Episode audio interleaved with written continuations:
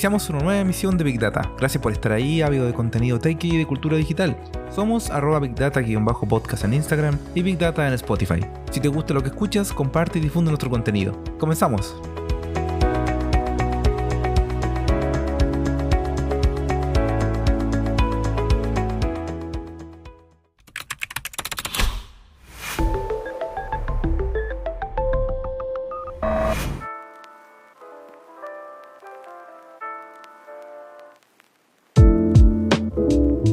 Hola, ¿qué tal? Bienvenidas y bienvenidos a Big Data. 23 de junio del 2021 estamos grabando este capítulo número 8 de este podcast de ciencia, tecnología y cultura digital. Y para hoy tenemos noticias variadas que van a ir desde la vacuna, desde la ARN mensajero, hasta viajes en el espacio. Así que quédate con nosotros que comenzamos con la primera noticia.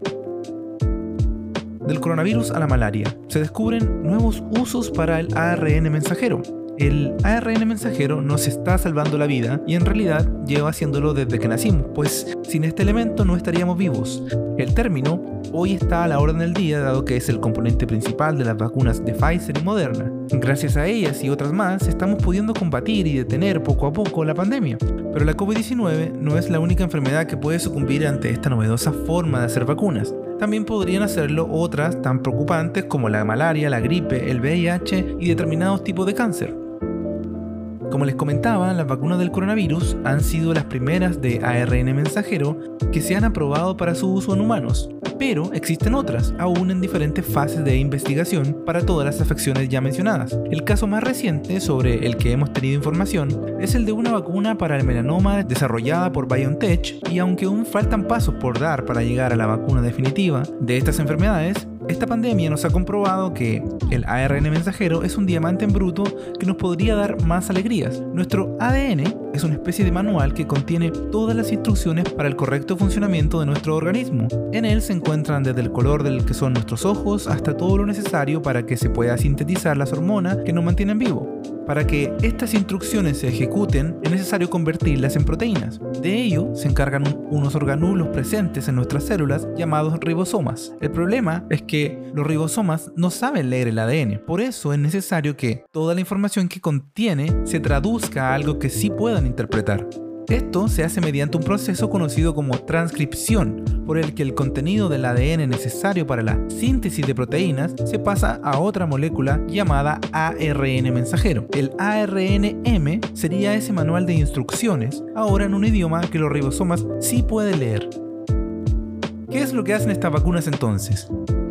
Básicamente le llevan a los ribosomas una instrucción más, introducen un fragmento del ARN mensajero con las directrices para que la síntesis de algún componente que pueda poner en marcha al sistema inmunitario. Estos agentes extraños son los que se conocen como antígenos. En el caso de las vacunas del coronavirus se trata de la proteína del SARS-CoV-2, generalmente conocida como espícula. Así, cuando los ribosomas fabrican esta proteína del virus, nuestras defensas interpretan que hemos sido infectados y se ponen en marcha, quedando preparadas entonces para el momento en el que el ataque sí sea real. Los ensayos clínicos para su uso en otras patologías siguen avanzando. Es por ejemplo el caso de la candidata a la vacuna contra el VIH desarrollada por la iniciativa internacional Vacuna contra el SIDA.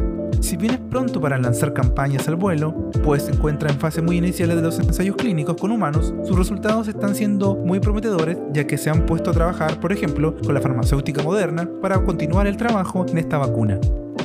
Recientemente conocíamos también el caso de la malaria y aunque hoy en día existen tratamientos bastante eficaces, aún no existe una vacuna contra esta enfermedad. Y eso, en los lugares en los que está más extendido el parásito, sería vital.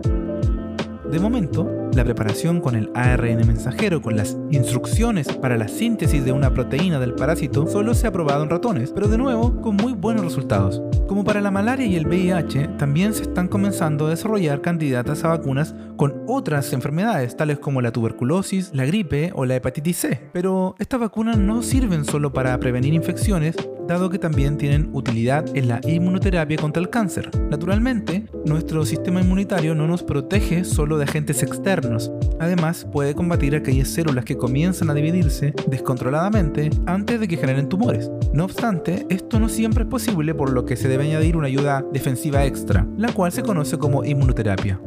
Por lo tanto, somos como somos gracias al ARN mensajero. Nos mantiene vivos, nos está sacando de la peor pandemia del último siglo y posiblemente en el futuro ayude a terminar con algunas de las peores enfermedades de nuestra era.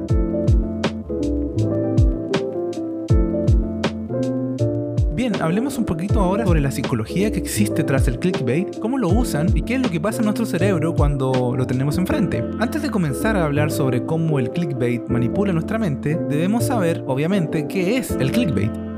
Pues bien, se trata de un nombre procedente del inglés, cuya traducción sería algo similar a anzuelo de clics, y se llama así porque consiste en eso, en hacernos morder el anzuelo para que a través de títulos engañosos o sensacionalistas hagamos clic en una publicación.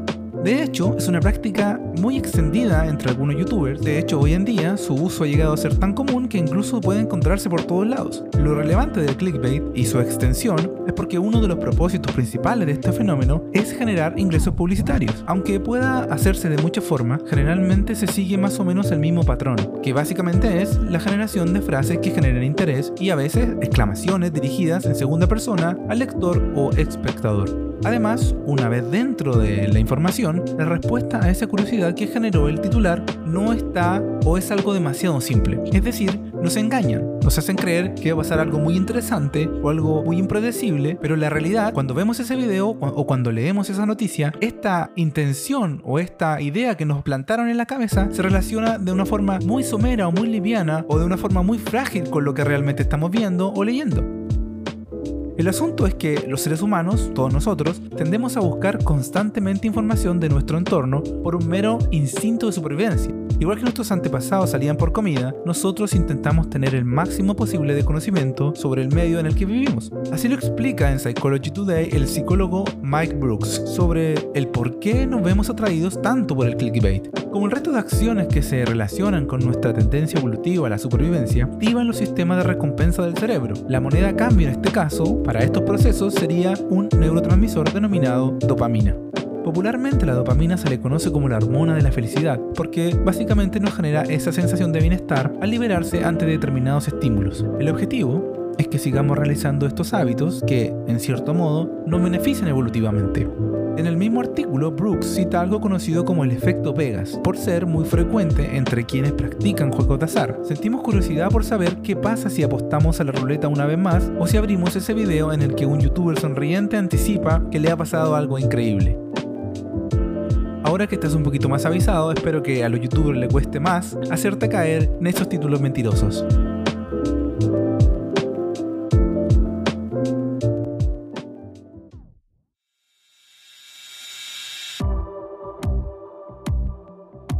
Bien, pasemos a la siguiente noticia.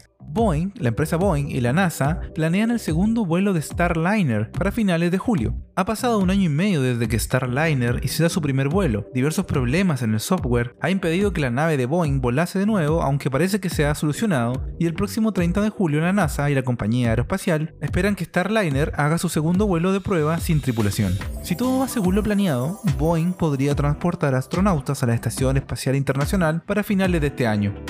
Esta semana se realizará el vuelo y el lanzamiento. Tras los problemas surgidos en el primer vuelo, tanto Boeing como la NASA han seguido recomendaciones de un equipo de revisión independiente que incluían elementos relacionados con pruebas y simulaciones integradas, procesos y mejoras operativas.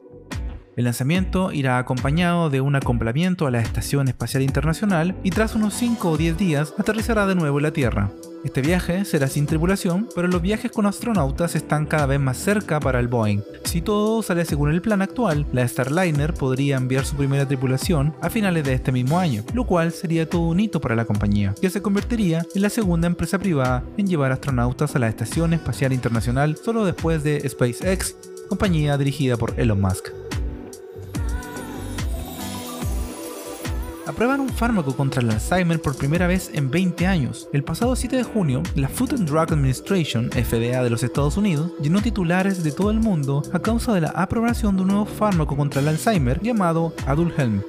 Sin duda, esto ha sido catalogado como una gran noticia, pues ningún otro tratamiento contra esta enfermedad neurodegenerativa había tenido luz verde desde el año 2003.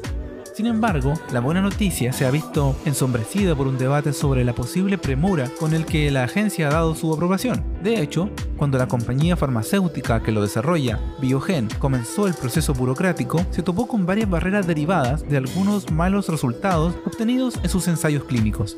Científicos de todo el globo se han lanzado a dar sus opiniones al respecto. Algunos están a favor de la aprobación excepcional y otros consideran que ha sido una equivocación. Pero si hay una cosa en la que están todos de acuerdo, es que la investigación del Alzheimer está en un momento único de su historia y eso es algo que hay que celebrar, independientemente de este nuevo fármaco. Pero, ¿qué sabemos de él hasta ahora? Los últimos ensayos clínicos de Biogen señalaban que el fármaco no había funcionado como debía, sin embargo, según cuentan en Science Alert, seis meses después, la compañía sorprendió anunciando que un subgrupo de pacientes había tenido resultados positivos. Por un lado, se había reducido la concentración de placas amiloides en su cerebro y por otro, había mejorado su capacidad para memorizar palabras, recordar eventos y llevar a cabo tareas cotidianas tales como por ejemplo cocinar. Con estos datos en mano, la compañía comenzó el procedimiento para solicitar la aprobación de la FDA y así comenzó el debate, dado que la mayoría de los científicos concluyeron que los buenos resultados de este subgrupo no eran suficientes para poner el fármaco a disposición de los pacientes. Pero, por otro lado, la FDA anunció lo contrario, al considerar que los beneficios serían superiores a los riesgos. Pagan 23 millones de euros por ir al espacio junto a Jeff Bezos en el primer vuelo de Blue Origin.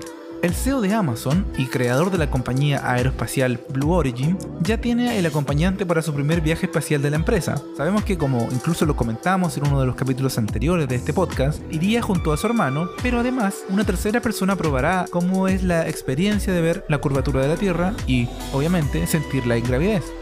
Todavía no se ha desvelado el nombre de la persona que ha ganado la subasta, aunque probablemente lo sabremos en los próximos días. Sin embargo, sí sabemos cuánto ha costado este viaje, que será muy probablemente más de lo que la mayoría de las personas podríamos pagar. ¿Cuánto ha costado exactamente? Después de varios días de subasta online, el ticket se ha vendido el sábado 12 de junio y ha costado ni más ni menos que 28 millones de dólares. El vuelo se realizará el próximo 20 de julio en un cohete reutilizable New Shepard y si todo sale según lo previsto, los hermanos Besos y el acompañante misterioso se elevarán hasta 100 kilómetros por encima del nivel del mar. La cápsula se desprenderá y permitirá a los pasajeros unos minutos de contemplación de la curvatura terrestre y sentir la ingravidez. Después, la cápsula y el cohete aterrizarán en lugares distintos y entonces los tres pasajeros serán oficialmente los primeros turistas espaciales en viajar con Blue Origin.